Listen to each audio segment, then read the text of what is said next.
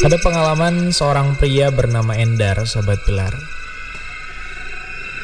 Yang katanya pengalaman ini sering terjadi juga di lingkungan rumahnya. Semuanya berawal dari meninggalnya seorang wanita yang tengah mengandung tujuh bulan dan terjatuh di kamar mandi. Sejak saat itu banyak orang yang melihat penampakan sosok wanita tersebut berambut panjang, berbaju putih, dan salah satunya adalah tukang nasi goreng yang melewati rumah wanita tersebut di malam hari. Ada seorang wanita yang keluar dari rumah katanya. Terus pesan nasi goreng. Terus masuk lagi ke dalam rumah. Setelah ditunggu berjam-jam, wanita itu nggak keluar-keluar juga dari rumahnya.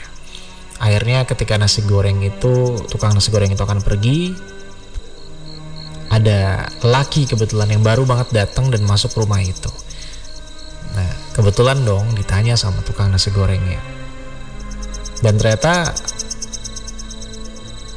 pria itu menjelaskan kalau nggak ada wanita hamil yang tinggal di rumahnya.